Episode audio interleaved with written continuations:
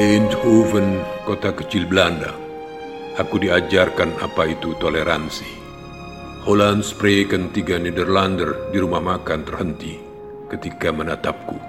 Tersadar mereka dan langsung mengubah obrolannya menjadi bahasa yang ku mengerti. Semata agar aku tidak merasa terkucilkan. Di Mekah Al-Mukarramah, Jazirah Arab, dalam puncak suasana musim haji, diperlihatkan kepadaku makna toleransi ketika semua pertengkaran terhenti hanya dengan satu kata Assalamualaikum tak peduli dari mana kita berasal. Di Chengdu Cina toleransi diajarkan seorang anak muda yang mengantar kami kembali ke hotel hanya karena melihat raut wajah kebingungan tak tentu arah.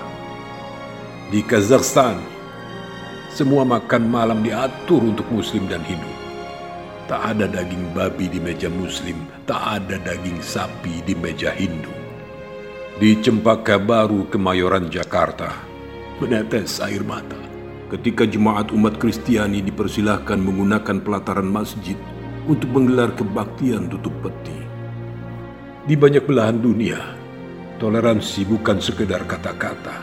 Ketika mata hati kita buka, deras segala makna toleransi disuguhkan pada kita, bukan sekedar kata-kata. Dirgahayu Radio Republik Indonesia untuk Indonesia lebih bertoleransi.